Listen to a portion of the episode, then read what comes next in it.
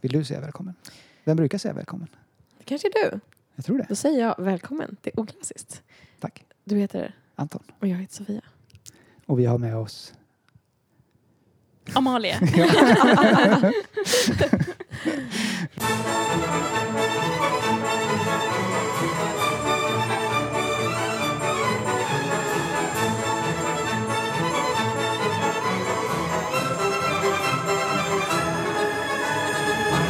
Välkommen hit. Tusen tack. Kul att ha dig Kul här. Ja, kul att vara här. Vad har du gjort idag? Idag har jag repat på Konserthuset inför en eh, festival som jag ska spela, spela på. Mm. Eh, och sen har jag eh, kollat efter ny säng på Ikea. Oj. Eh, ja, det är Mm. typ det. Ja. Det tar tid att repa. Bara det. Ja, Bara att vara på Ikea eller För- leta sig. för du bor här i Stockholm? Precis. Jag har bott i Stockholm de senaste sex, sju åren. Mm. Och har precis flyttat in till stan. Mm. Härligt. Så det är väldigt trevligt och väldigt centralt. Men du är ifrån? Norge. Yes. Jag är från Bergen. Mm. Just det. Vi hade en lång diskussion om norska dialekter Just det. innan. Jag Ja. fattar nog fortfarande inte riktigt. Nej.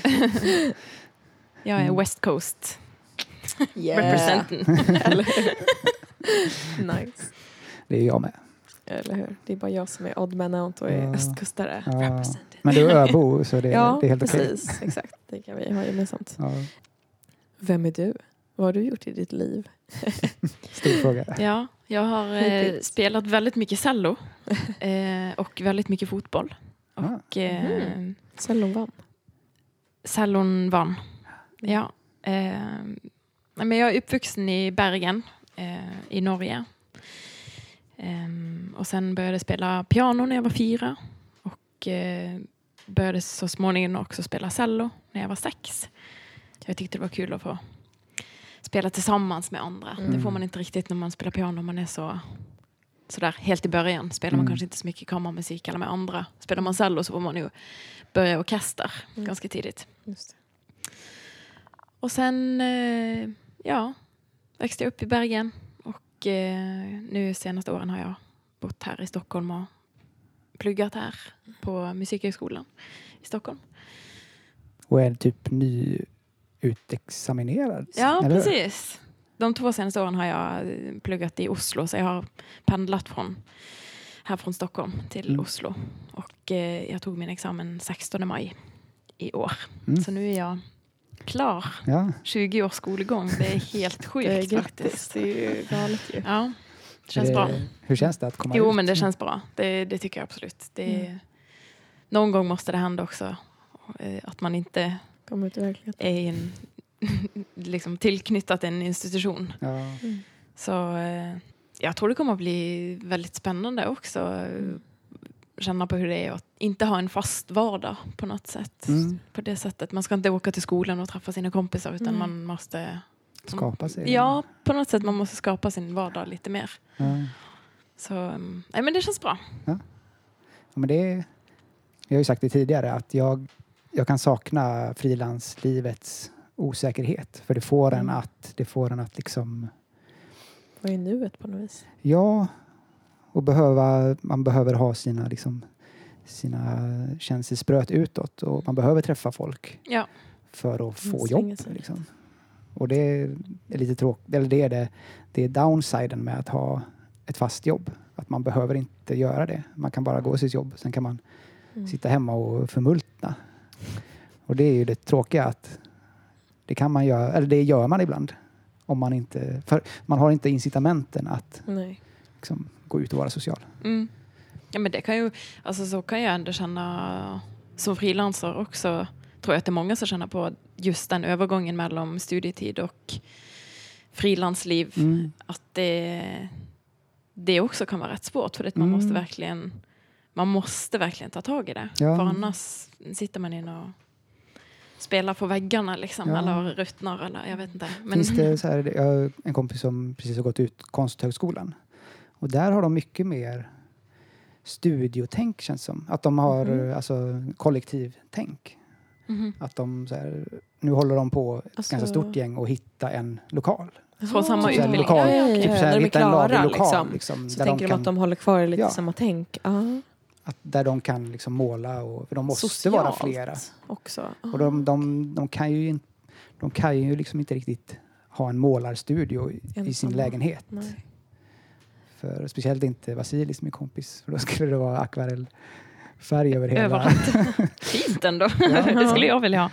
Nej, men jag delar studio med eh, David Huang. Ja, Mm. Eh, som jag också spelar rätt mycket med. Mm. spelar piano med mig. Mm. Ehm, det är ju superviktigt. Eller superbra. Ja, och det är också, nu kan jag inte öva hemma ehm, i min lägenhet.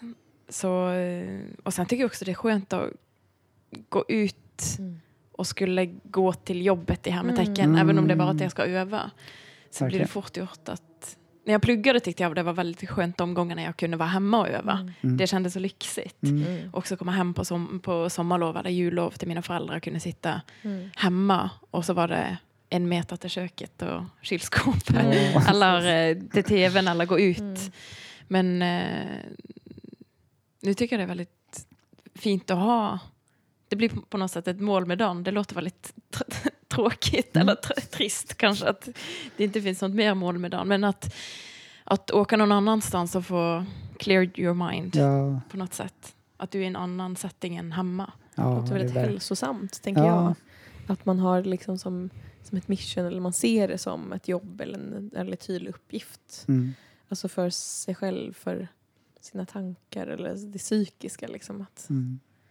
Nej, när jag kommer dit så är det ju, då ska jag öva. Och då Ja. man kommer in i Mm. något slags mode av att nu är det övning och nu är Mm. det fokus Ja. och koncentration. Precis. Och när jag är hemma så är det, man säger också att man kanske inte ska ha tv på sovrummet eller Nej. man inte Mm. ska Nej, men- sitta och käka i Precis. sängen eller så. Det ska, mm, jag Separera tror ändå det liksom. ligger någonting i det. Att, Ja, Distraktioner, få bort Precis, dem. distraktioner men också vad man, vilka, ja.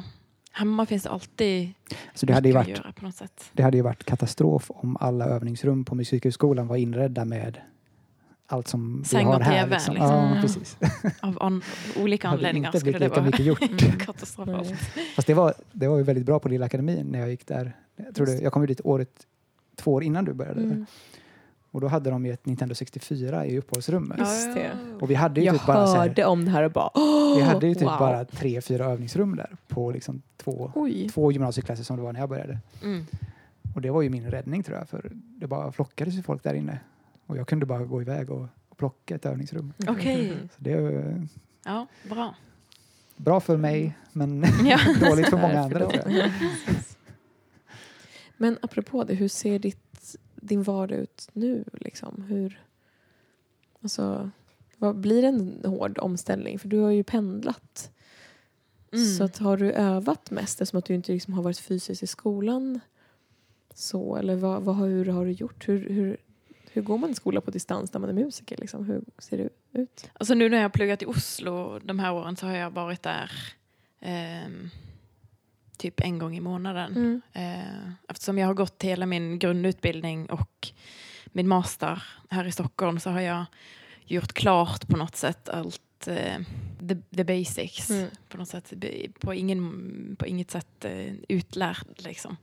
Men det var också därför jag ville ha två år till. Mm. För att det har väldigt successivt blivit mer och mer jobb Mm. eh, vid sidan om eh, studien också. Så då har det varit bra att fortfarande kunna spela upp för någon Mm. som vars mening jag respekterar. Och Mm. eh, ja, liksom, Ja. Så du har mest jobbat vid sidan av studierna helt enkelt? ja, så har det varit Mm, nu under- två senaste åren. Så då har det också passat bra att ha ett studie som har varit lite friare. Mm. Mm.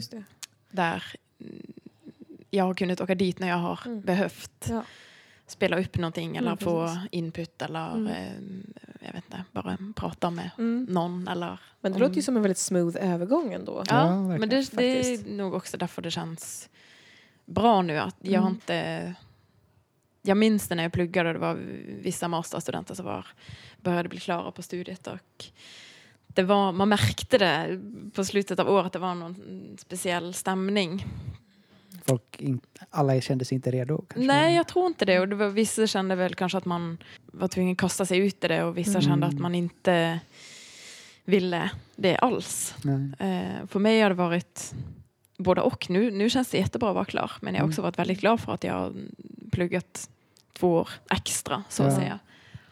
Det är kanske, jag tror att det, jag skulle haft lika mycket jobb eh, om jag inte hade pluggat. Mm. Men det har varit väldigt fint att få spela upp. Eh, ja, jag tror det egentligen har det varit mest det. Och sen är det ju träffa andra musiker och komma lite tillbaka till Norge också. Jag har Mm. varit i Sverige i, jag var i Sa- Sverige i sex år och sen mm, liksom, flyttade jag lite hem igen på Mm. något sätt. Så det har också varit fint att ta upp kontakt med gamla gamla bekanta och musiker Mm. jag har samarbetat med tidigare. Mm. Så. Mm. Men håller det vid liv lite. Ja. Men känns det som att Stockholm är din bas liksom rent konsertmässigt? Eller känner du dig att du rör dig runt omkring i världen? Alltså rent konsert, ja i världen vet jag inte, men rent konsertmässigt så är det ju mycket Sverige Mm. och då i hela Sverige. Mm. Eh, mer och mer i Norge, lite i Finland, en del i Danmark, så det är mycket Norden. Mm. Men eh, min bas, mitt hem, jag säger ju att jag ska hem när jag ska till Stockholm. Mm. Mm. Men eh, det är såklart, eftersom jag är uppvuxen i Bergen så blir ju också det mitt hem. Ja. Men Mm. Oslo känns inte riktigt som att det är hemma. Nej. Mm. Även om jag har mycket familj där också så Mm. är det um, Stockholm är Stockholm i mitt hjärta. Mm. Men alltså, hur kom du in i den klassiska musiken? Hade du, är din familj musikalisk och så? Jag tänker att du började när du var så ung. Ja, både mamma och pappa är musiker. Mm. Och min eh, stora syster spelar fiol. Mm. Och min lillasyster har spelat fiol. Så vi har liksom hållit på med musik hela, hela gänget. Mm. Så det har varit mycket, alltså, mycket musik. Eh, både att gå på konserter men också att spela hemma. Mm. och spelat mycket tillsammans. Så det har aldrig varit en sån här eh, självklar grej för mina föräldrar att jag skulle spela ett instrument. Mm. Eller att jag var tvungen att spela ett instrument. Jag, det var, jag tror verkligen att det kom från mig själv. Att vi Mm. hade ett piano Mm. hemma. Att jag fick gå och klimpra på det. Och Mm. hörde min storasyster öva fiol. Och det, det, har liksom, det har kommit från mig själv. Men Mm. såklart eh, evigt tacksam för hur mycket min föräldrar har hjälpt mig också. Mm. Och det har säkert varit jag tror det hade varit svårare eller jag vet inte, det hade varit annorlunda om mina föräldrar inte hade varit Mm. musiker. Kanske inte svårare, jag vet inte. Men Men, man har väl en annan insikt och man vet lite vad det handlar om eller vad det krävs. Eller liksom man kan precis. supporta på ett annat sätt kanske. Mm. Eller liksom. Har det varit stunder i, din, i ditt liv där du känt att nej, fan, nu, nu blir jag något annat? Ja, det har det. Vad har det, vad har det varit då? Som du har, sugen Nej. på? Jag tror på något sätt har jag alltid velat hålla på med musik Mm. och bli musiker. Men jag har också velat bli polis. Jag har också velat Mm. bli fotbollsspelare. Eh, Just det, jag spelar massa fotboll också. ja. Läkare. Alltså jag har haft massa Mm. olika drömmar. Så det har inte varit... Eh, på, på ett sätt har det varit straight line för jag har ju hållit på med musik hela livet. Mm. Men jag har ju också gjort mycket annat och det är också väldigt jag är väldigt glad för att jag har gjort mycket annat. Att Mm. jag inte bara sitter på överrummet. Och Mm. Det är också, vem vill lyssna på den musikern som bara Ja, exakt. har sett? Som inte har levt. Ja men precis. Det är, så jag, jag har gjort mycket under, eh, under uppväxten. Mycket olika grejer. Men såklart, musiken har alltid varit ett slags huvudfokus. Mm. Men såklart när jag var 13-14 var det ju inte coolt att gå runt med en cello på ryggen. Mm. Liksom. Man ser ut som en eh, sköldpadda. Ja. Alltså det är ju... Ja, det, är inte, det var inte kanske den roligaste perioden. Mm. Men sen tog jag till, liksom, när jag blev 15 så hörde jag en konsert i Grieghallen som är konserthuset i Bergen. Mm. Med eh, en cellist som heter Andreas Brantelid. Som är helt Mm. fantastisk.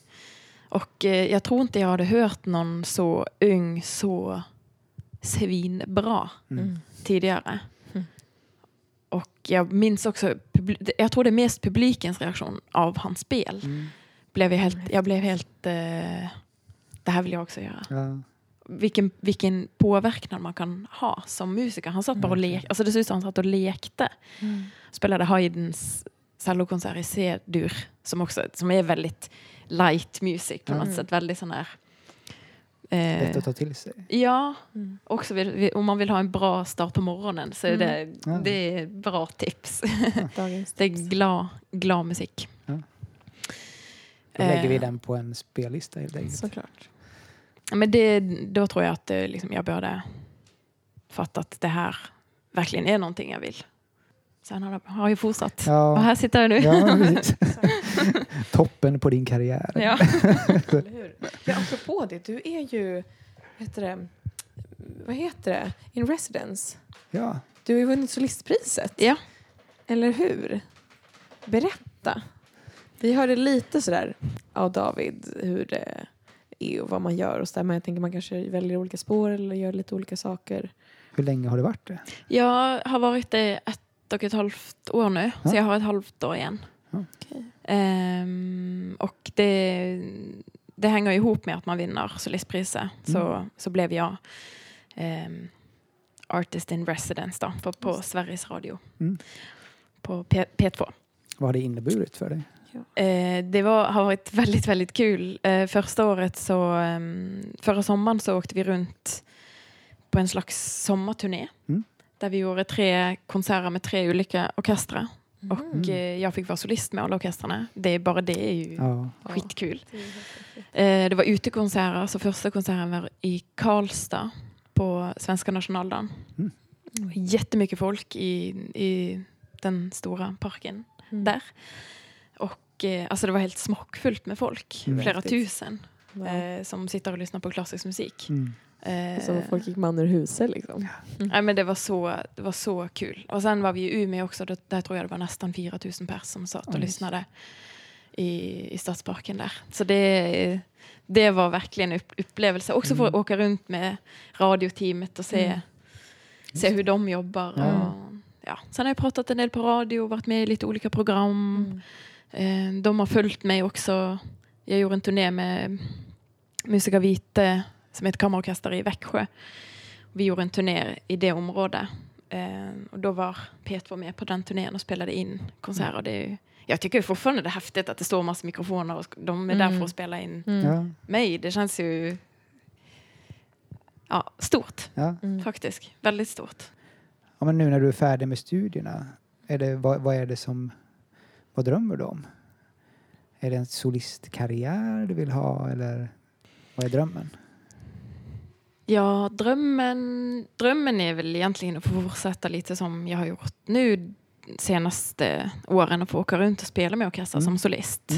Mm. Eh, och också nu i sommar ska jag till massa olika festivaler. Jag har redan varit på massa festivaler. Det är liksom sommaren för en frilansmusiker är ju, Mm. innebär Mm. mycket festivaler. Mm. Kammarmusikfestivaler då som man spelar med andra, med musiker man känner och med musiker man inte känner från olika länder. Det, är- det är ju superkul. Men just nu är det väl eh, mer åt det solistiska hållet Mm. jag, jag satsar. Eh, solist och kammarmusiker. Men eh, jag tycker också det är väldigt, väldigt kul att sitta i orkester. Mm. Så det skulle inte vara någon sån plan B. Nej, Det är precis. ofta liksom inom klassisk musik att man pratar om solisten blir är de, de som har lyckats, Lyckats. på något Ja, sätt. exakt. Mm. Det är kanske lite utdaterat men så Ja, var det när jag växte upp Ja. åtminstone. Så var det, alla satsade på solistkarriär. Mm. Ja. Om man inte gjorde det så var det konstigt att man skulle Mm. vilja satsa på att sitta i en orkester. liksom. Mm. Mm. Och kanske särskilt inom stråk, alltså Mm. som stråkmusiker. Mm. Jag tänker att det snarare är, ja, men som jag, att man, att man antingen söker säkerheten i en fast tjänst Mm. eller så söker man osäkerheten i ett frilansliv. Mm. Att man uppskattar det och den friheten det ger Mm. också.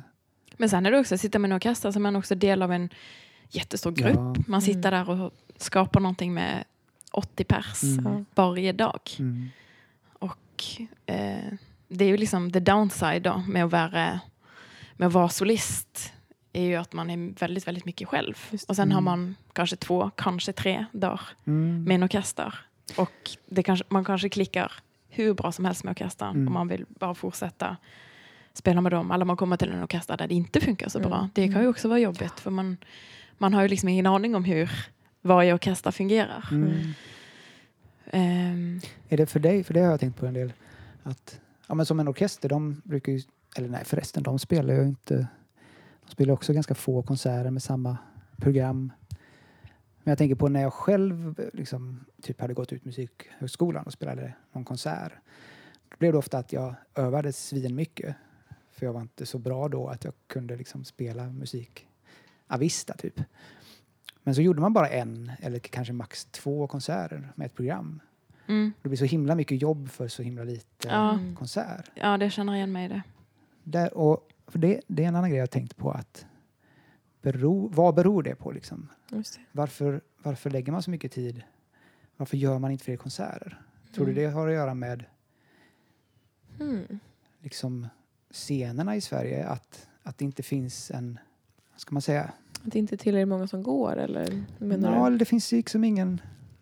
Det jag kopplar det till är ju att, eller? att det är ju det är för dyrt för dig till exempel att hyra en lokal. Ja, en attraktiv lokal. För då kan du, du kan ju inte leva på biljettpengarna. För alla de skulle ju gå åt till att betala hyran i princip. just det. Mm. Och det kan jag störa mig på. Att, att det inte finns en möjlighet för musiker att anordna flera konserter. Mm. Mm. Tycker du, eller har du tänkt på det någonting? Ja, jo absolut. Alltså, jag känner mig väldigt igen med det här att man övar in eh, ett program och så spelar man det en gång Mm. och sen är man helt slut Mm. efter för det Mm. har, det har tagit flera månader Mm. och sen är det plötsligt över och man ska, sen ska man börja på ett nytt program. Mm. Jag kan verkligen känna en sån en tomhet. Precis nu till min examen i Oslo till exempel så spelar jag ett av de absolut största verken för cello och orkester. Um, Symfonia Concertanta av Prokofjev.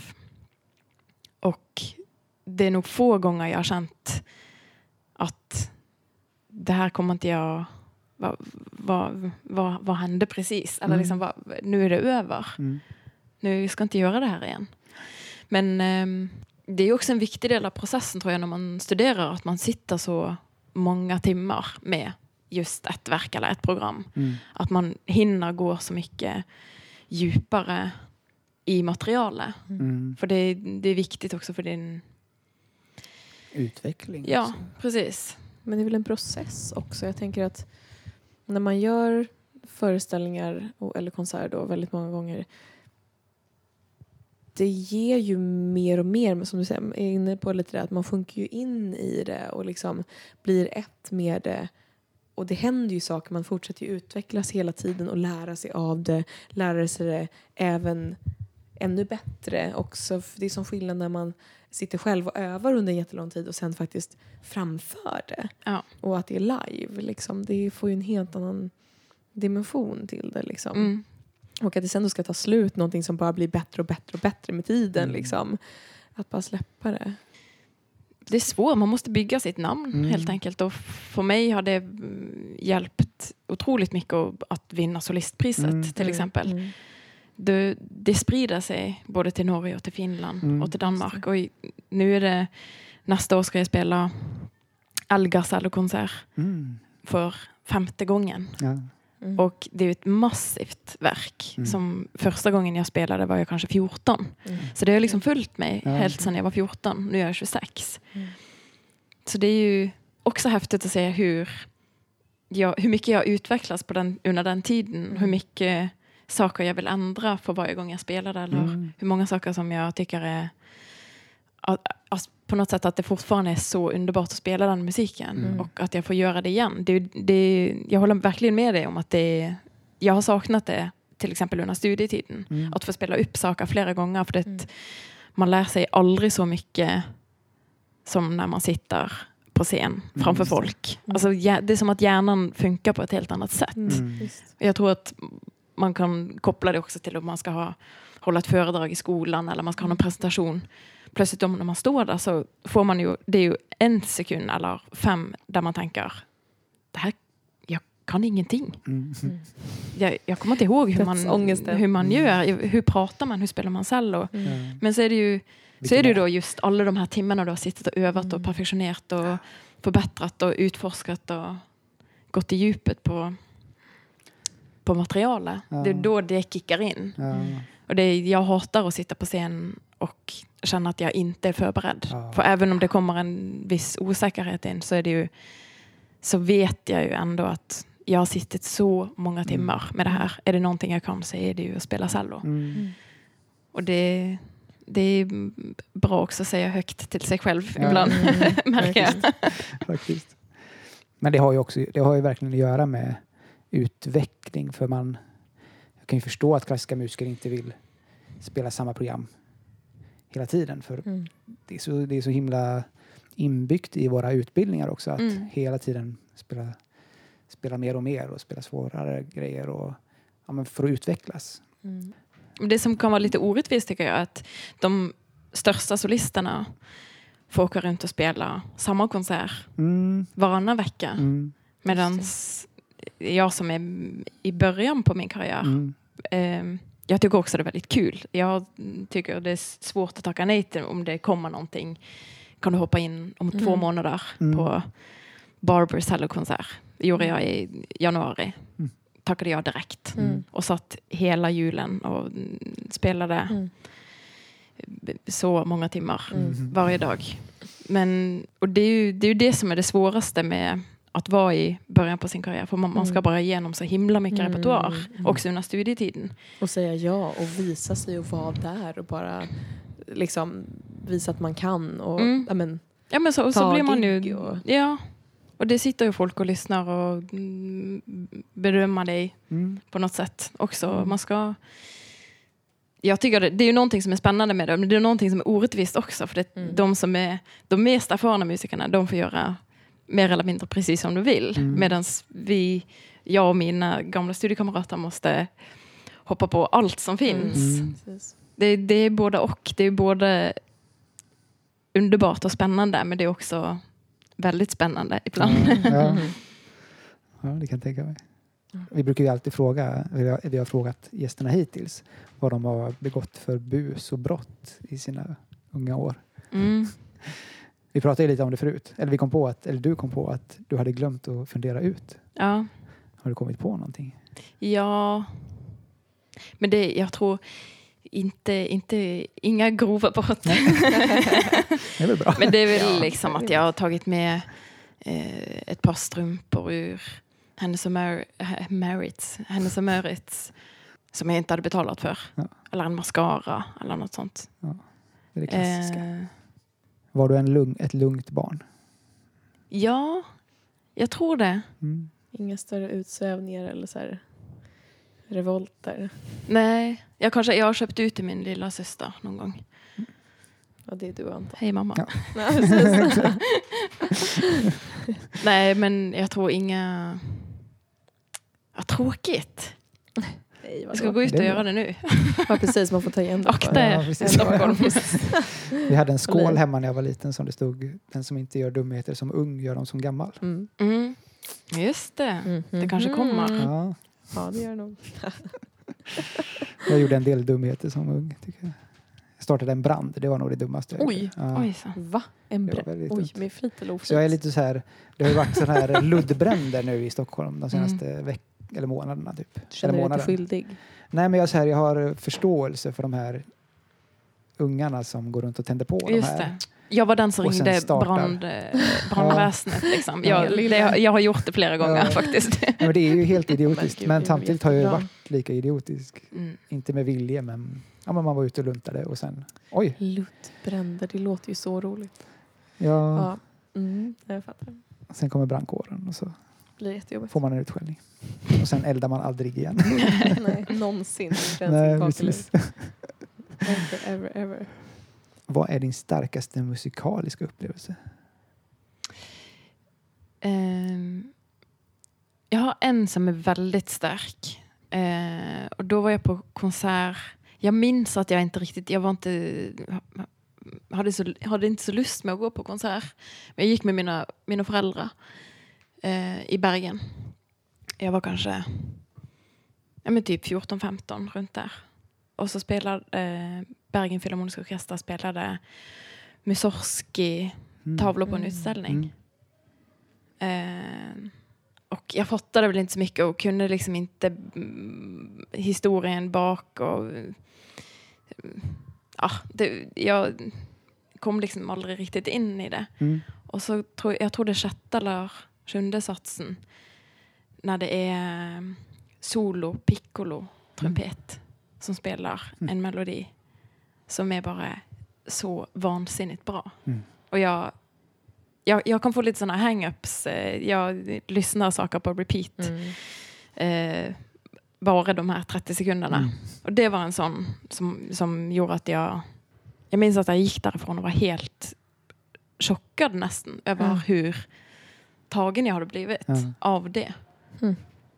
Så det är nog ett, ett av de starkaste minnena jag har. Var det, är det när temat kommer tillbaka? Nej. Eller? Nej. Det är inte det. det är, jag tror det, det, det ska föreställa en konversation mellan två judar som står och pratar. Ja, Schmyle och Samuel Och- Goldberg. Exakt, Mm. just det. Just det. Och så är det kommer piccolo-trumpeterna. Först är det unisont i cellostämman spelar ganska mörkt och Mm. kraftfullt och så kommer bara den här piccolo-trumpeten. Och, Mm. Eftersom jag inte visste historien heller och, och jag faktiskt så läste jag bara på historien för några dagar sedan. Mm. Eh, men för mig har det bara varit eh, det, det är guld. Det är som att det är, Men det är helt magiskt. ja, men det är så magiskt. Det är Det är som att det, det är nog solen kommer fram efter det har regnat mycket i Bergen. Det. Ja, Believe me, I know. ja. Ja. Och det bara, allt, allt glittrar. För Ja. det, allt är fortfarande blött efter Mm. regnet. Mm. Och sen kommer solen. Det är Och ju en det, superpopulär. Det är ju Ravel som har gjort om för orkester. exakt. Ett Mm. pianostycke av Mussorgsky. Ja. Eh, som han skrev efter att han hade varit på en utställning tror jag hos, hos en kompis till honom som var konstnär. Så det börjar med, med eh, Promenad heter det första stycket. Det kända temat. Och sen återkommer den promenaden när han går mellan konstnärerna Mm. i massa Mm. mellansatser. Okej. Och sen är det massa satser som gestaltar de här målningarna. Exakt. Mm. Så det är någon bild på en kyckling. Och så är det Ja. så här. Men det är väldigt rolig musik. Ja, väldigt eh, häftig musik. Det, det finns verkligen en historia där. Ja. Och sen är jag också när jag spelade Algas konsert första gången eh, med min hemmaorkester i Bergen Mm. var också så otroligt stort. Mm. Vad har du för kommande konserter? Eh, nu i sommar ska jag på eh, en del festivaler Mm. i Danmark Mhm. och i Norge. Okej. Ska till Stavanger och till Rosendal. Jag har Mm. precis varit i Bergen på festival och i Hardanger. Och sen ska jag på turné med Norrbotten kammarorkester. Mhm. Mm. Och sen spelar jag med Sveriges Radio symfoniorkester. Just det. Just det. Spelar du olika saker hela tiden nu då också? Ja, just Ni den turnén eh, med Norrbotten och med, med orkestern här i, i Stockholm så spelar jag samma sak. Mm. Är Men- turnén uppe i norr Ja. också? Ja. Under vilka veckor? Det är i september. Okej. Ja, typ andra veckan i september tror jag. Och sen tredje veckan i september spelar jag här i Stockholm. Just det. Mm. det har vi sagt att vi ska gå på. Det är klart vi gör. Och då spel, vilket, vi vad är det för stycke du spelar? Då spelar jag rokoko-variationer av Tchaikovsky. Just det. Som också är... Det är väldigt, om man känner till eh, Svansjön eller Just. Nötknapparna av Tchaikovsky. Ah, så ja. det, det har mycket av det, men det är Mm. också det är väldigt light. Det är ju, Mm. alltså, också eftersom det är rokoko han Mm. Mm. har hämtat sin, sitt tema från och sin Just. inspiration från. Så är det, det är väldigt light music Ja. på något sätt. Härligt. Det också. Fantastiskt. Ja. Det ska bli kul att Mm. gå på. Verkligen.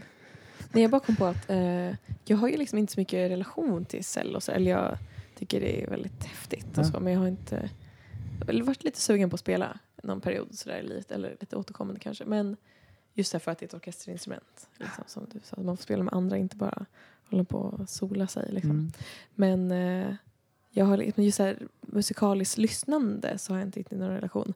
Men nu när jag var i Ungern för ett tag sedan nu på eh, på kurs så var det en konsert med en så här supertydlig en kändis ungersk cellist Mhm. som var helt superduktig. Ehm, och då förstod jag att det var ganska mycket så här standard cellorepertoar. Och det var egentligen mitt första så här möte med cello-cello. Liksom. Eh, solistiskt, så lite pianokomp kanske några stycken så. Men det var, ja, det var så himla häftigt. Så det känns Mm. så här roligt att få förkovra sig lite i det. Ja. Det är ju ett på- väldigt, jag har märkt tror jag, att det är ett väldigt populärt instrument Ja. bland folk. Också bland folk som inte lyssnar på amatörer, eller hur eh, klassisk musik i vanliga fall. Men det, jag tror, Mm. Det härmar väl röst, eller Ja, man säger väl att den, den men det talar säger i man samma- om många samma- instrument tror jag. Men Ja. jag, jag tror verkligen att det ligger någonting i det. Mm. Och sen har tror jag också det att mörka och det Precis. ljusa. det finns, det finns en ton i cellon som alla kan Mm. känna sig igen i. Mm. Eh, oavsett vilket röstläge man, man har. Mm. Mm. Och eh, det är ju jag, jag skulle önska att jag kunde sjunga men det kan jag inte. Så då fick det du bli cello istället. Jag har ju, cello är nog ett av mina, jag är ju väldigt så här, pianonördig när det kommer till lyssnande på klassisk musik.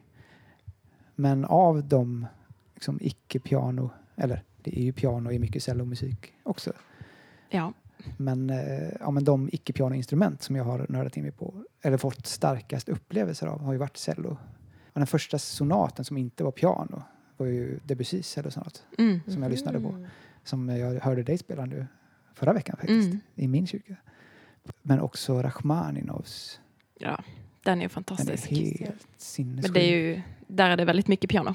Ja, Men det är ju, där- den är, det är så fantastisk musik. ja, Det är det verkligen. Den, den sonaten är enorm. helt enorm.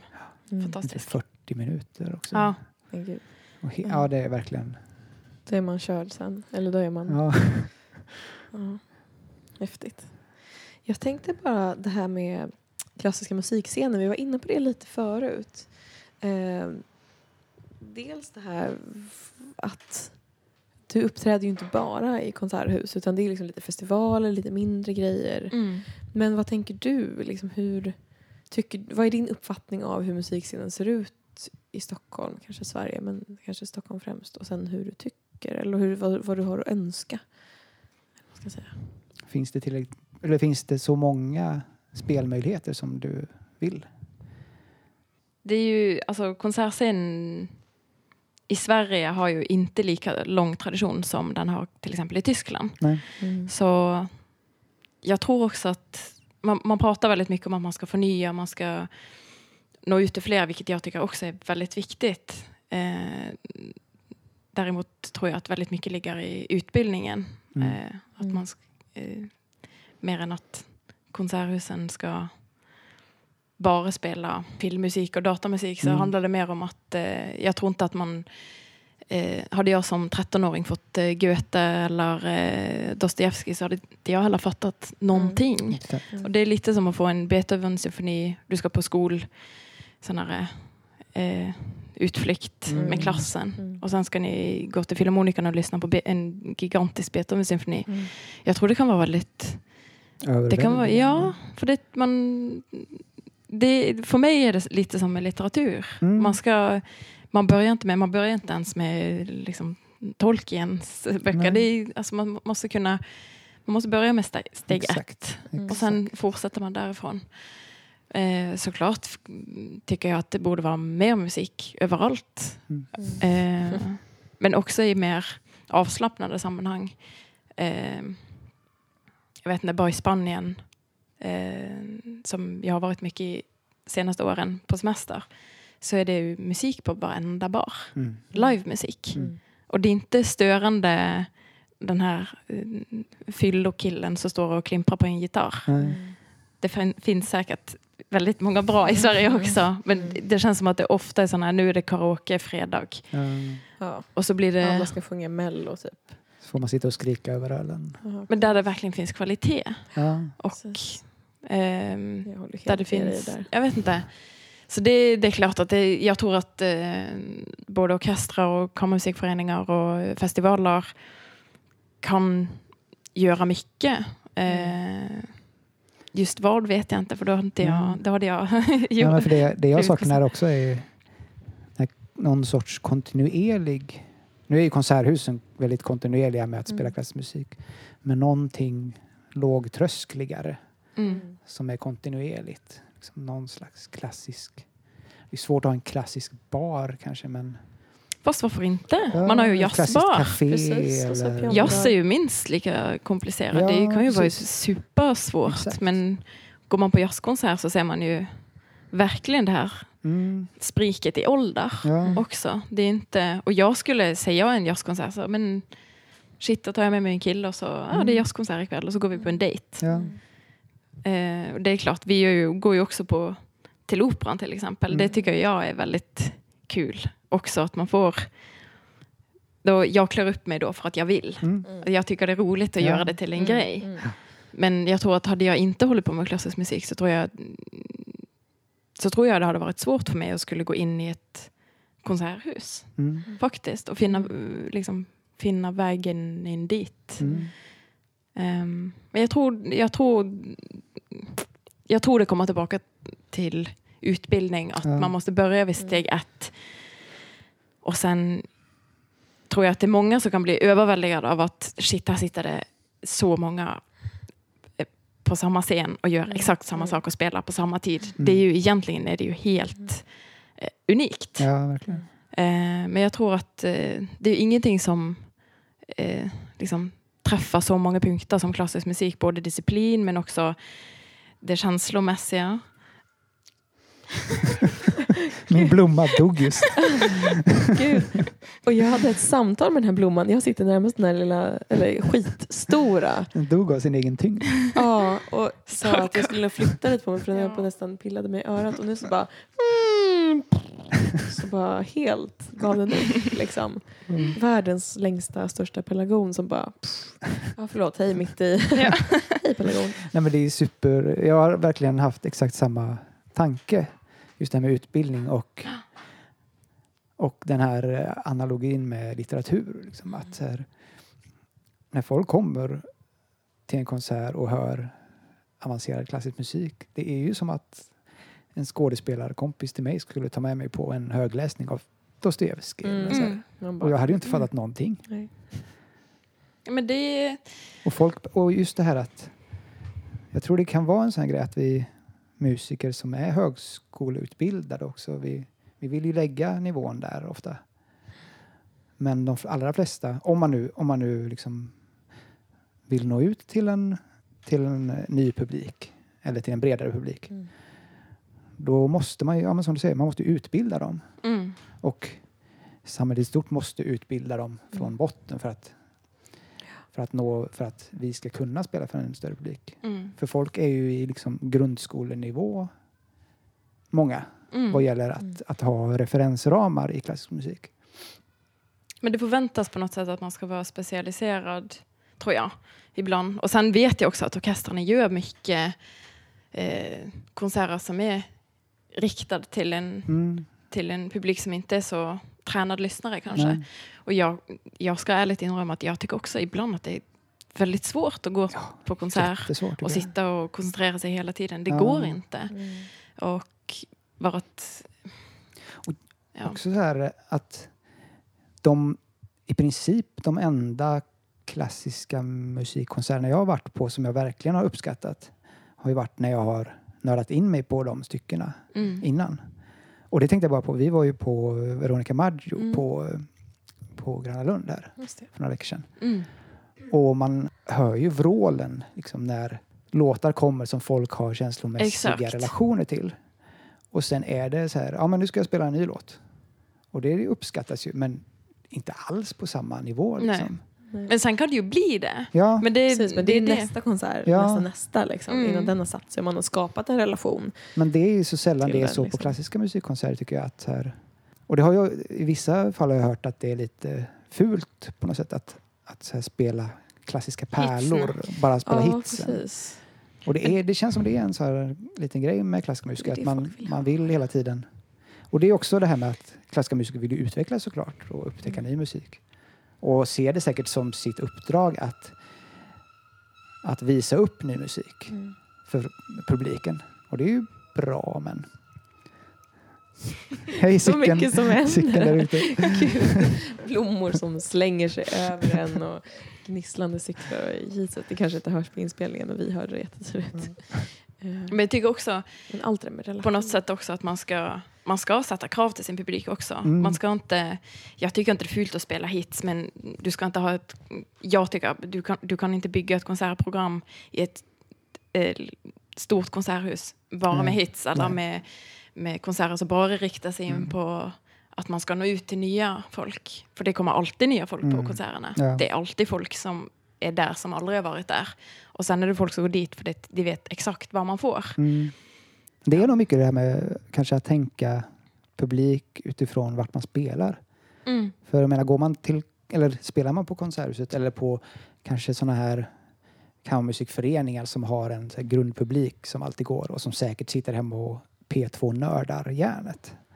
Där träffar man ju alltid på folk som är så här, de, de kan ju alla stycken. Mm. Men helt ärligt, alltså det här kanske är jättekontroversiellt eller fult men alltså, sån är jag. Men det får ju stå för mig alltså. Men eh, ibland så tänker jag så här när jag är på Konserthuset och det är någonting så jättesvårt eller konstigt. Man bara, gud vad är det här för musik? Och folk bara, ah det är så bra och så fantastiskt och det här, bla bla bla bla. Eller så folk som supernördar in sig på saker och P2-grejer eller vad det är för någonting.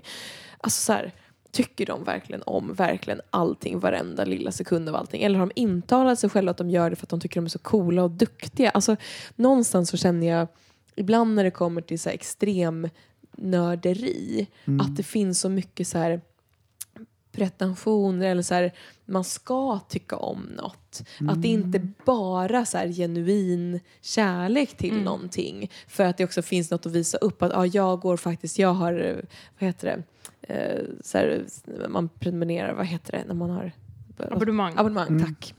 Heter det, när man går liksom en hel säsong eller så där på operan eller whatever. Liksom. Att det är lite så här for show också. Att visa upp någonstans att ja, jag går ju på allt eller jag kan det här. Fast egentligen så går man hem och lyssnar på så här klassiska hits eller så här schlager eller någonting. Men upplever du mycket det? Nej, jag vet inte om det är så här Jag- svart på vitt. Men jag, alltså, det här är verkligen inte bara över liksom... Eh, alltså det är ju extremt generaliserat. Jag menar inte att alla är så. Mm. Men ibland undrar jag liksom Jag tror... att det är så många, för att, en, alltså Ja, bara att, att det är så en sån ändå ganska liten grupp människor, stockholmare som sitter där i konserthuset varenda konsert och så extremt många människor som, skulle, som är potentiell publik. Inte de som typ aldrig någonsin har lyssnat på klassisk musik men sådana som typ skulle kunna komma in i det och Mm. att då skulle så här, man kunde ta den rollen lite av att faktiskt fostra folk lite. Förstår du vad jag menar? Apropå det här att nej, man måste ändå ställa krav på sin publik. Det håller jag absolut med om.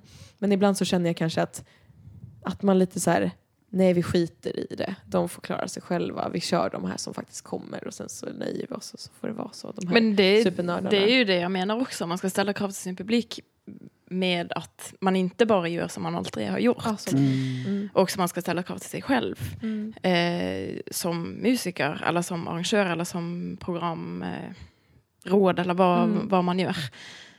Eh, sen tycker, tror jag också att det är väldigt svårt att sätta ihop ett program som når ut till alla. Ja, För det är ja. inte, men som det du säger, går ju inte liksom. man Gör hör en- gör Veronica för- Maggio på, på radion 24-7. Ja. Det är klart att folk känner igen de låtarna. Ja. Jag som inte kanske lyssnar jättemycket på, på musik, får jag säga, men Mm. jag vet inte. På, Musik kanske, eller så. skulle Eller? Elton John komma så det är klart att jag skulle också vilja gå, men det är för Mm. att jag kan de här tre låtarna Mm. som är gigantiska. Mm. Och sen skulle ju resten vara som att man kan vissa, Mm. man kanske känner igen någonting från en. Mozart-konsert eller man känner igen Mm. Bach, eh, prelud från första sviten, Mm. cello. Det är ju liksom, jag tror nog alla har hört den. Mm.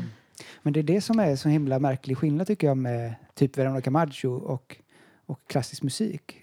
För när du går till en Veronica Maggio-konsert då har du ju folk som har så här, jag har lyssnat på Veronica Maggio jättemycket Mm. och verkligen fått en relation till hennes skivor. Mm. Men går du på en, till exempel så här, ja men oh shit nu spelar Amalie.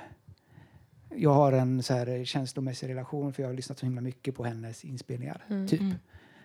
Går du på en av dina konserter då kanske man får helt ny musik. Mm. Förstår du vart det. jag, vart, jag, vart jag vill komma? Att som, om man går och lyssnar på klassisk musik så blir det hela tiden liksom ny musik som man får... Det är väldigt svårt att koppla en person till... Det är sällan det är typ så här, ja men nu är det en Rachmaninov-konsert. Det är skillnad Det på händer, kompositör men ja, och liksom artist i det klassiska medan så här, ja.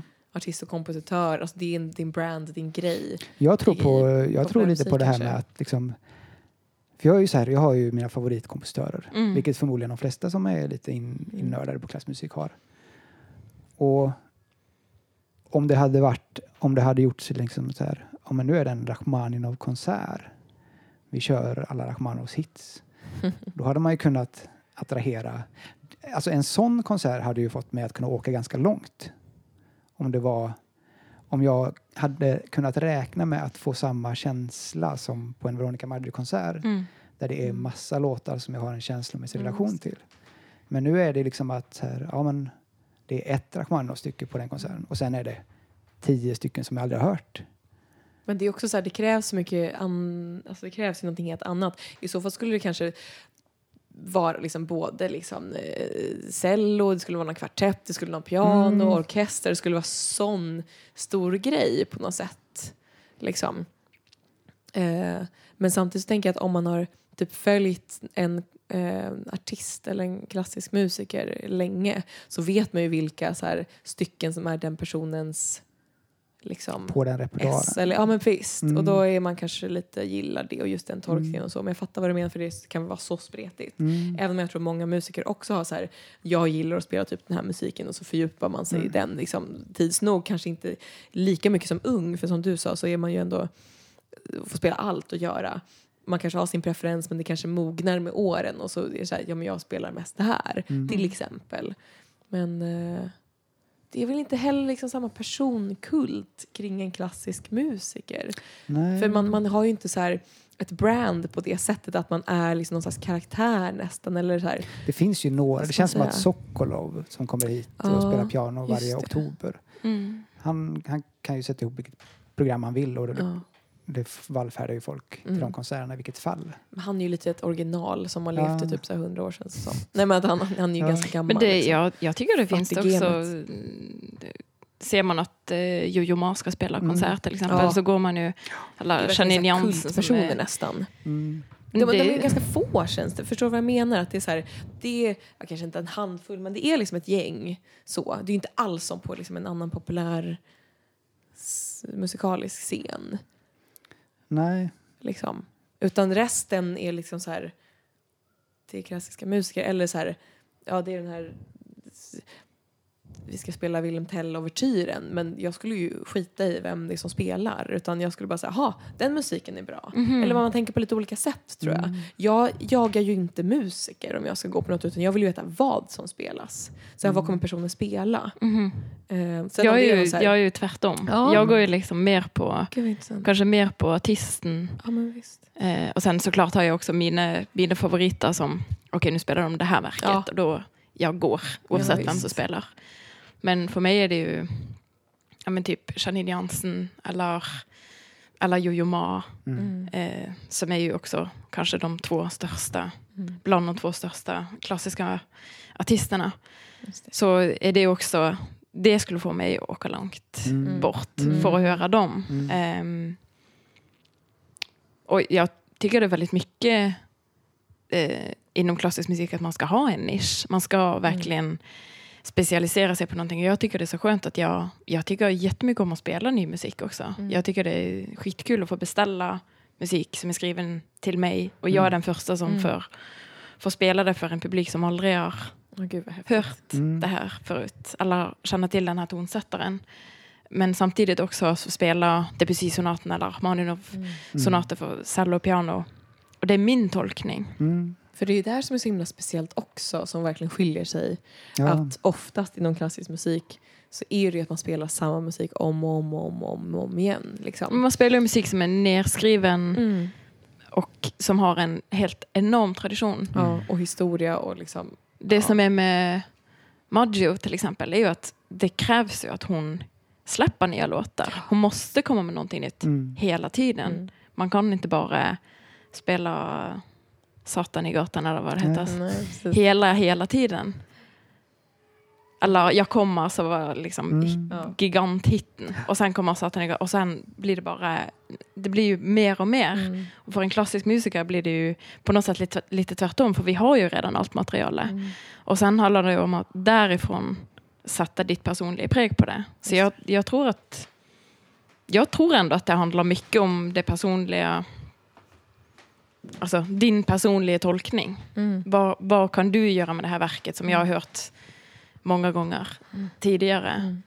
Eller aldrig någon gång. Som kommer Mm, sätta sig i magen eller hjärtat eller vad det sätter sig för folk. Men inte det också en jättevanlig grej? Alltså, om det är något stycke på något, alltså oavsett, ehm, som jag verkligen älskar och tycker är helt fantastiskt, ehm, så vet ju jag typ vilken version jag gillar bäst till exempel. Eh, och jag kan det typ by heart verkligen. Om jag hör någon annan person som gör det så blir jag så oj wow vad är det här, spännande. Men dels att man kanske gillar den här ena sättet eller versionen så att man liksom nej den där tycker jag inte om, jag vill ha den gamla klassiska som jag har lyssnat på. Mm. Eh, men också att det är så ovant. Just det du sa att ja, men, man har hört, vad ska du göra med det här stycket som jag hört 15 gånger eller inte alls. Att, att, som, att komma från liksom att man är van vid att folk kör nya låtar till att det är samma låt men på ett annat sätt. Okej, okay, hur ska jag höra det? Alltså det krävs mycket övning tänker jag. Eller så bara veta. Och det här med att ha relation till det stycket. Men jag har hört det här stycket några gånger. Nu har jag börjat vänja mig. Och så, här kan man spela så och si. Och, alltså, det är inte bara att man bara... Det är inte bara så att man kliver in och blir överrumplad av att oj, nu spelade hon ett vibrato här. Eller den här tonen, här var det format lite längre. Eller, men, är ni på- med på vad jag menar? Mm.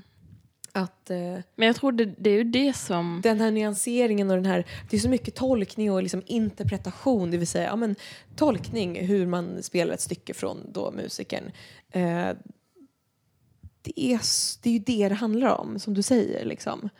Eh, Jag tycker det. Det är det, det, det klassisk musik handlar om. Det handlar precis. inte om att man spelar exakt samma Nej, nej, nej. l- Eller det låt ska eller kanske inte vara på det. samma sätt. Man vill inte att det ska vara så. på varje konsert. Eller, jag vet inte, det är, ju, det är ju där jag tycker magin ligger.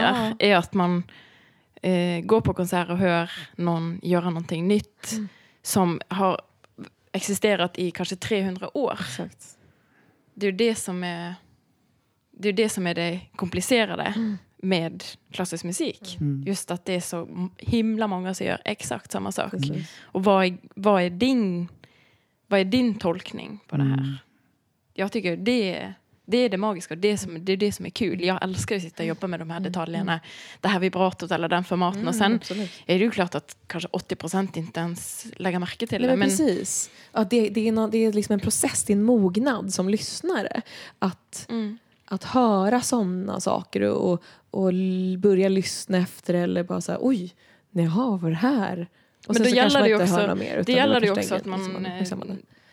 Exponeras för det här. Såklart. Det är ju, Absolut. man hör, eh, om man gick på konsert med Queen så var det ju ny gitarrsolo i Bo- Bohemian Rhapsody. Mm. Exakt. Alla så var det den samma. Alla, alltså du vet, det är...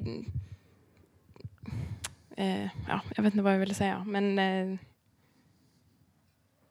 det, det gäller ju att man exponeras för det så att man kan bli överraskad. Mm. Eller man kan höra att den här tolkningen är annorlunda från den här. Eller de här, den här orkestern spelar på ett annat sätt än den här orkestern. Och det, Precis. därifrån kan man börja nöda riktigt Mm, mycket. exakt. Men, ja. Jag kommer ihåg, det var för massa år sedan så spelade eh, Bob Dylan på Hultsfred.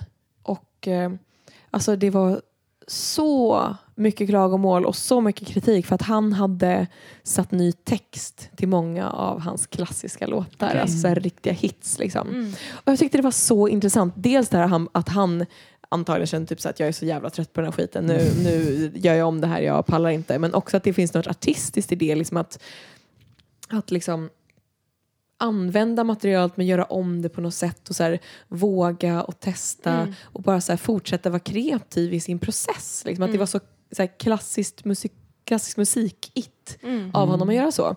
Samtidigt som det känns att han gör det lite för att bara så här, jag vill göra det här, jag skiter i vad alla andra tycker. Mm. Eh, kanske lite douchigt. Men också reaktionen att alla bara så nej vi ska ha som vi alltid haft det. Uh. Som typ en treåring eller en tonåring som bara nej så här ska det vara, vad gör du? Du har inte rätt att göra så här.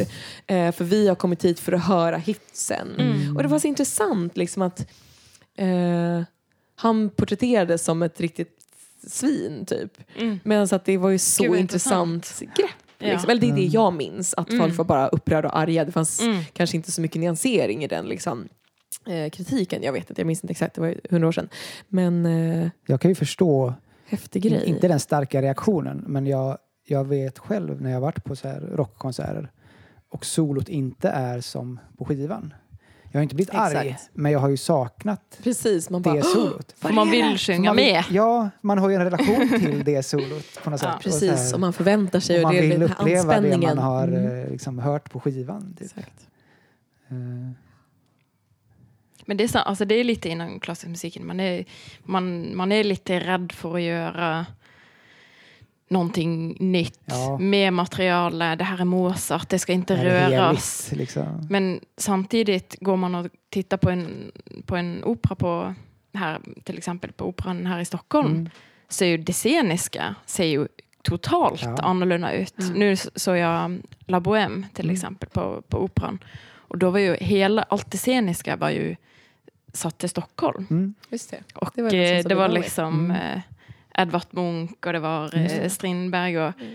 och det är ju, de byter ut allt men Mm. musiken måste vara exakt detsamma. Och jag kan också förstå det som, som musiker att man har ju suttit så många timmar och liksom finslipat på de här Mm. mikroskopiska detaljerna. Mm. Men varför inte Ja. göra någonting? Varför inte...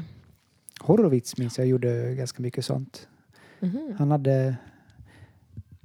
Man gjorde om typ så här Rachmaninovs pianosonat. Gjorde han en helt egen. Okej. Han brukade ju lägga till liksom, oktaver nere i, Mm. Mhm. smacka till. Och eh, även på, han gjorde en egen Mussorgsky, han gjorde en egen tavla på en utställning. Okej, Arrangemang typ, Mhm. okej. som var lite annorlunda. Och det minns jag att David gjorde också på, på eh, Goldberg-variationerna nu. När jag, var, jag lyssnade på honom Ja. i typ två dagar innan han spelade Mm. i ett rum i Börjarhallen. Och då fick han feeling och det var på någon av de, någon av de sista variationerna. Så liksom smackade han till med hela Mhm. med oktav istället för bara enkel ton i Mm. basen Mm. på några olika ställen Mm. för att maxa till det. Jag vet, inte- minns inte om han gjorde det på konserten, men han funderade på det. Och det är så här, ja men det är skönt. Ta lite konstnärliga friheter. Det Mm. känns ju som att det är så traditionen är, att det var mycket mer så förr. Ja. Mm. Att det är därifrån man kommer. Att man spelade ju aldrig samma sak eller sjöng samma sak. Utan det var ju då, under arian eller Ja. solo, som man visade sin egen virtuositet. Mm, Och sin konstnärlighet fick verkligen blomma. mm, Eh, Medan nu är det så här, "Ja, nu ska du spela det som står. Att det känns som att det har blivit mer sån mentalitet. Fast man ska så här, spela samma toner på sitt sätt.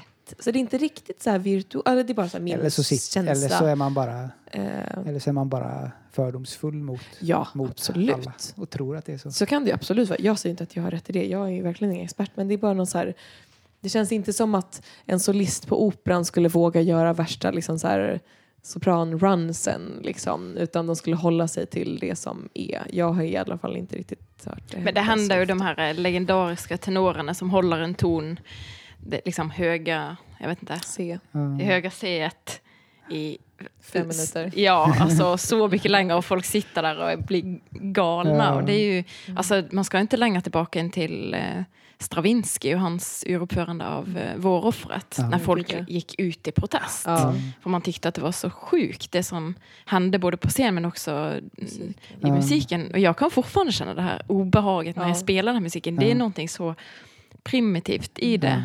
Och det är ju det som är så häftigt med klassisk musik. Ja, Att det får fram sådana här känslor. Det Verkligen. väcker så många känslor i, Ja. hos många. Det är så kul om det provocerar. Jag är en sån som bara så här, oh, Ja. provocerar. Gud, Ja. kul. Det händer någonting. Men det är en reaktion. Liksom. Ja. Det, det blir någonting. Oavsett ibland om det är positivt eller negativt. Liksom, att, att någonting vågar vara kontroversiellt. Liksom.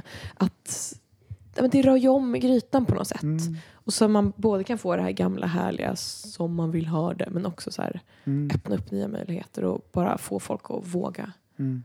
och liksom entusiasmera det. Eller vad ska man säga? Uppmuntra. Mm. Men det här med publiken tänker jag lite slutligen kanske. Vad ska man säga? Att hur hittar man, hur breddar man liksom? Nu är det kanske lite misconception att det är så få som lyssnar på klassisk musik, så är det ju inte riktigt. Men, men det mycket färre som man märker lyssnar eller som Mm. kommer. Eller det, det är inte alls samma. Hur känner du för det? Vad, vad är din uppfattning? Liksom? Nej, men jag tror det, jag kommer liksom tillbaka till det här med utbildning hela tiden. Nu när Mm. man ser att, alla, att estetiska ämnen i skolan dras ned och det ska bli slut på sång och kulturskolan.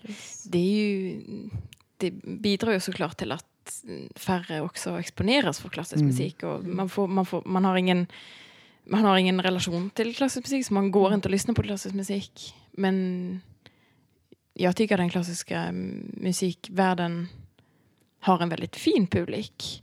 Mm. Och jag, jag tänker ofta på det också att fatta att de här bara kommer för att lyssna. Mm. Mm. Jag, vet- jag, jag vet inte om jag skulle göra det. Jag, jag kanske skulle göra det. Faktiskt, för det är så underbart också. Men jag älskar ju att spela. Jag, jag känner ju den trången liksom, till att, eller det här drivet eller Mm. till att förmedla musiken. Mm. Ehm, men eh, det är klart, man vill ju alltid ha mer publik. Nu förra veckan spelade jag i Oslo med Oslofilharmonin på deras utekonsert i, i en park mitt i Oslo. Då kom det 10 000 pers. Alltså det är ju sjukt. Man kan säga 10 000, men när jag gick upp på scen, det var så sjukt, för det var så mycket, alltså det var så mycket folk. Ja, det var 10 000 pers, men man kan liksom inte föreställa sig att stå på en scen och det står 10 000 pers och skrika. Och det är ju, jag vet ju att alltså, de som kände till mitt namn där var mamma och pappa och, Ja. och eh, orkestern. Ja. Sen, men sen är ju resten sån här, de blir helt galna. Och då är det, det är klassisk musik. Ja. Jag tror verkligen att det kan skapa de här känslorna Gud, också. jag inte känner igen det här. Vad har jag varit på för konstiga konserter? Jag vill också gå på det där. Ja. Men det var lite samma när jag spelade på första parkett också. Så var det, ju, Ja. det var ju bara folk som jag- jag inte kände. Mm. Men det blev ändå så... Det var så enormt fokus och den här dialogen mellan publik och artist. Mm. Det är ju det som är... För mig, det är där det ligger. Det Mm. spelar ingen roll om jag sitter där och spelar för 10 000 pers. Nej. Om alla sitter och tycker att det är skittråkigt. Nej. Liksom. Man måste ju... Där har man ju absolut ett ansvar som, Mm. som artist. Mm. Man måste skapa någonting. Mm. Och det är nu ett, antingen om det är lägga till en extra basoktav eller om det är andra solot i Bohemian Rhapsody eller vad det är. Mm. Så är det ju liksom, det är ju för att skapa en reaktion. Eller för att provocera, eller för att, ja. Roliga anekdoter. Just det. Alltså typ någonting som har hänt på en konsert eller något så här. Någon rep eller något som inte har blivit som man har tänkt sig och så. Ja, jag spelade en konsert för några år sedan eh, med en pianotrio när vi hade glömt, eller vi hade inte glömt fixa bladvändare men det blev lite här i sista minuten. Mm. Och så blev det han som hade, mm, alltså till pianisten, han som eh, hade arrangerat konserten, han har spelat lite piano så han, Mm. han erbjöd sig att han kunde göra Mm. det. Så skulle vi spela ett, eh, först skulle vi spela ett nyskrivet verk av eh, en svensk tonsättare, Albert Schnelzer. Som är, alltså det är, det är ganska komplicerat om man inte bara vill räkna till fyra, utan Mm. det byter liksom i ena takten är det fyra och nästa takten är det sju och sen Mm. är det kanske bara tre och sen, alltså det byter hela, hela Mm. tiden. Och han, han var så stressad så han stod och räknade högt. Nej. Men, liksom, men verkligen så att det var inte bara pianisten som hörde det utan jag som satt på andra sidan av flyglet, jag hörde också att han satt och räknade. Och han var så stressad stackars. Så det, ja. På konserten. ja, på Åh, konserten. härligt. Första raden så åhörare bara ja, jajamän, ja, där Sen är det också, någon gång jag har spelat med David också, att man har, han har vänt blad och sen åker hela, he, all, hela all musik bara åka och jag fortsätter spela, man kollar på varandra, vad, vad gör vi egentligen nu, vad ska vi fortsätta eller? Men det är ju, ja, rolig anekdot. Jag har brutit händerna Aj. många gånger. Va? Oj, Ja. många Brutit händerna? Alltså Många handleden. gånger. gånger. Ja, Är det sant? tre eller fyra. Varför? Fotboll. Shit. Och fortsätter spela? Och eh, nej, jag har åkt eh, skidor, skridskor, gått i skogen. En gång stod jag bara på en sån här Ikea-stol. En sån här stol som är ihopfällbar. Ja. Sen stod jag lite för långt bak och så ramlade jag rakt igenom slog Nej. handen i golvet. Oh, Men nu har det inte varit någonting på, eh, verkligen. på eh, tio år faktiskt. Det- Tioårsjubileum utan Ja. att bryta något. Jag måste, jag måste göra någonting Och just handlederna, det är inte något annat Ja. att du kan tänka dig att bryta Nej, precis. Nej, Det men det har gått bra ändå. Om det är någon eh, musikstudent som lyssnar. Mm. Det är ju ganska Det finns skönt att veta. Det finns hopp. Ja. Man kan Ja. bryta fyra handlederna fyra gånger Ja, och ändå lyckas. Liksom. men snälla, gör inte bara. Ja. Har du någon hemlig talang? Älskar du att virka grytlappar eller? Guilty pleasure. Ja. Guilty pleasure. Äter Ja. Ben Jerrys jämt. Som Jag älskar de här. Det har kommit ut en sån här nya eh, cheese doodles med chili. Oj, såna här runda bollar. Det är min guilty pleasure. Ni kanske tänkte på någonting annat? Ja, Jag tänker så här att eh, jag har två Take That-låtar i min, i min du har, vad för någonting? telefon. Två Take That-låtar. Jaha. Och den ena heter cheese doodles eller vadå? Nej, men att Nej. det är Guilty pleasure. Jaha, Men jag tror min är nog eh, musikal då, Ja. faktiskt. Oj, Jag tycker det är så kul. nice. Jag har inte Vilken varit typ, så mycket. liksom? Allt. Jag är jag, allt, allt Alla ätande. äter. Men ehm, för där är det ju verkligen, man får det här show, men det är också det kan vara svinbra sångare Mm. och det kan vara ett skitbra band, alla orkester. Och det är lite, det känns som att det har varit i många år lite sån hysch hysch, man ska inte säga, det, liksom, det får man inte säga om man Nej. är seriös. eh, När jag läste en artikel om det väldigt nyligen, typ att varför har musikalen en så himla tillbakadragen och så här, åh, det här kan man ju inte gilla, det är egentligen inte kultur. nej. Det är bara så här bajs typ. Att det är verkligen så i skymundan när det är verkligen så här, folk kan dansa och sjunga och det är ofta Ja. liksom orkester eller duktiga Mm. musiker eller och sen bra plotline eller Extremt nivå dramaturgi. Ja, verkligen. Ja. Ja. intressant. Men det är inte Ja. så här fin kultur som är klassisk. Mm. Jag vet inte. nej. Vad roligt. Men det Ja. är, ju- de går all in. Det är det. Mm. Ja. Jag tror det är det ja, som är Maxat. Allt. som Mm. jag gillar så mycket. De bara allt och varje kväll och de som jobbar på Broadway det är liksom det är ju nonstop. Man jobbar ju Mm. minst Jämt. två gånger per dag. Mm. Gör man samma grej Ja. i flera år. Mm. Alltså det är, det är häftigt. Vilken dedikation alltså. Nej, jag Mm. tror jag, just det här med guilty pleasure, som man, eller ju äldre jag blir, desto mindre guilty känner jag mig. Ja men lite så också.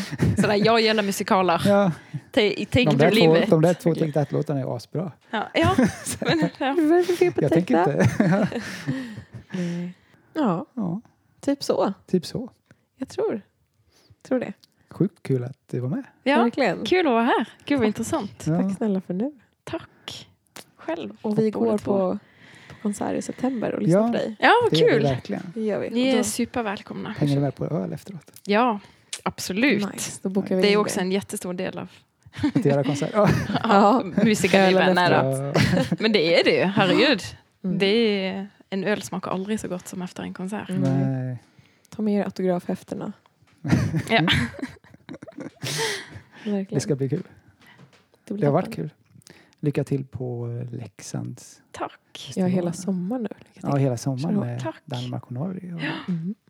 Ja, det blir spännande. Tack för något klassiskt. Ja. Tja! Hej då!